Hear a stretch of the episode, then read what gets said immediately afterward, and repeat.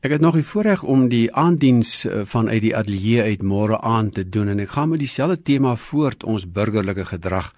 Dis laat my toe om op hierdie Saterdag aand aan die einde van ons uh, werks en ons ontspanningsdag uh sommer net nog een keer met jou te praat oor die Pauliniese uh, gedagte van ons jaag na dit wat voor ons lê.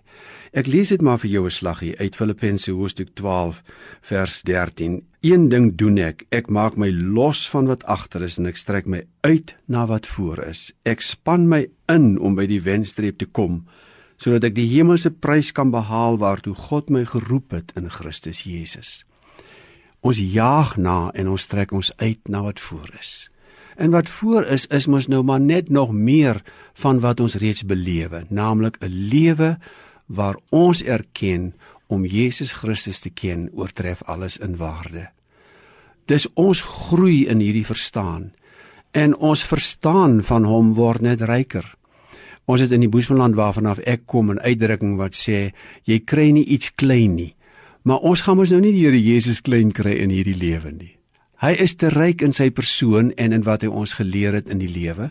Dis ons gaan lewenslank ontdek wie ons is, wie hy is en wat dit inhou dat ons aan hom behoort.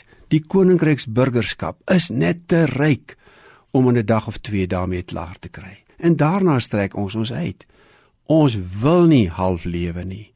Ons wil lewe vanuit die volheid wat God ons in Christus Jesus geskenk het.